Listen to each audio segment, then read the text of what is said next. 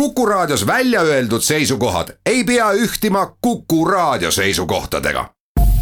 Te kuulate Kuku Raadiot.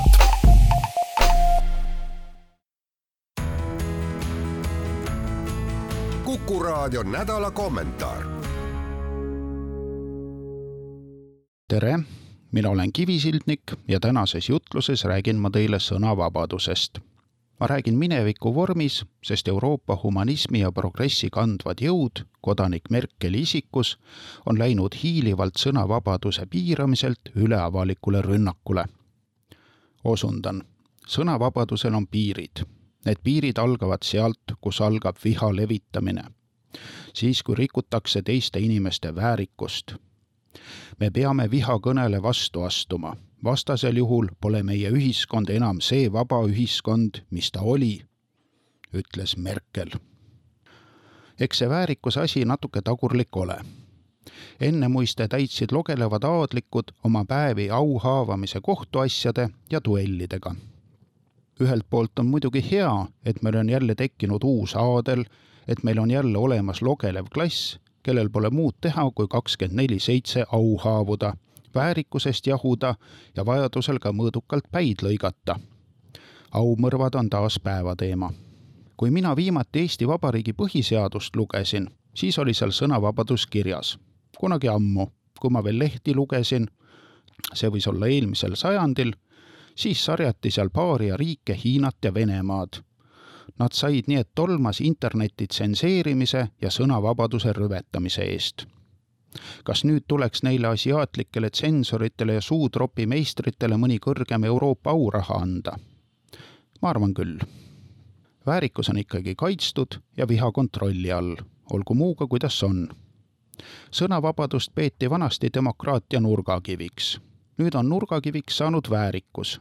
mille nurgakivi see väärikus on, tont seda teab aga küllap ta sinna progressi, inimõiguste ja sotsiaalse õigluse kanti läheb samas olen ma lugenud, et eurooplased eesotsas Ansipiga on kehtestanud uued internetireeglid, mille kohaselt on keelatud kõik asjad, mis kedagi võivad häirida. ei mingit viha, väärikust ega õhutamist, vaid häirimatu hingerahu. eks seegi ole tagurlik väärtus, mida on jutlustanud nii Buda kui prohvet Maltsvet muistsetel aegadel internetti ei olnud ja ei olnud ka raadiot, telekast rääkimata ning ka kirjaoskus oli väheste väljavalitute privileeg, aga hingerahu oli ikka täiega pekkis. häirimatu hingerahu saavutamiseks rajati kloostreid ja mediteeriti ja palvetati ja põletati viirukit ja manustati mürri. ja eks usinamad tagusid ka pea vastu põrandat lõhki, kõike juhtus. zen-budism ei ole meelakkumine skopetsid ja muudki sarnased sektid harrastasid enesekastreerimise praktikat. see töötas vingelt. kui me nüüd oma progressi ja sotsiaalse õigluse joovastuses oleme jõudnud veganlusse ja üritame vaga eluviisiga väärikuse ja plekitu hingerahu poole, kas me ei peaks siis kasutama ka traditsioonilisi vahendeid klassikaliste eesmärkide saavutamiseks? lisaks tsensuurile ja veganlusele veel duellid, kloostrid, palvetamine, mediteerimine, kontemplatsioon, ekstaatilised tantsud ja orgiad, nagu ka täielik liha suretamine või enesekastreerimine. usundiloo ja surmasektide alasest kirjandusest leiame ammendamatu hulga väärikuse ja hingerahu poole püüdlemise tehnoloogiaid. suguline karsklus ja perverssed orgiad, pühale tõele kuulutamine ja kõigi tõdede eitamine kõige elava pühadus, aga ka kogu loodu roojaseks pidamine ja nii edasi. sõnavabadus ja eneseväljenduse piiramine on omane kõigile maailma religioonidele. üks keelab suhu võtta kõige vägevama nime, teine keelab joonistada konna ja siili, kolmas ei luba kloostris uksi kolistada ja kisendada sõnavabadus on ikka ja ainult ilmeksimatu dogma kuulutamiseks ja missioonitöö tegemiseks Merkelile on kõige lähemal ilmselt siiski budism, eriti zen-budism, oma metsiku, absurdse, vägivaldse ja irratsionaalse loogika ja praktikaga. hingerahu ehk plekitu meeleseisundi saavutamiseks on kõik lubatud.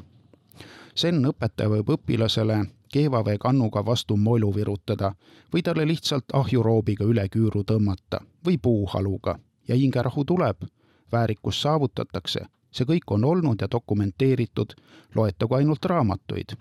ühelt poolt on Merkeli sõnavabaduse piiramiseta pole vabadust mõttekäik identne Orwelli Loomade farmis võimu haaranud sigade loosungiga. vabadus on orjus. kuid toimuva mõistmiseks on kindlasti vaja tutvuda ka zen-budistide koaanidega. koaan on absurdne ja vastuoluline lause nagu progressi õpetus. tuntumaid koaane on ühe käe plaks mis küll Sarjadi kohtute laialdase leviku tingimustes nii väga ebaloogiline enam ei tundugi aga kui me elasime üle Pätsi sõnavabaduse ja Stalini sõnavabaduse, küllap elame siis üle ka Merkeli meeleheitlikud pingutused. head päeva! kuku raadio nädala kommentaar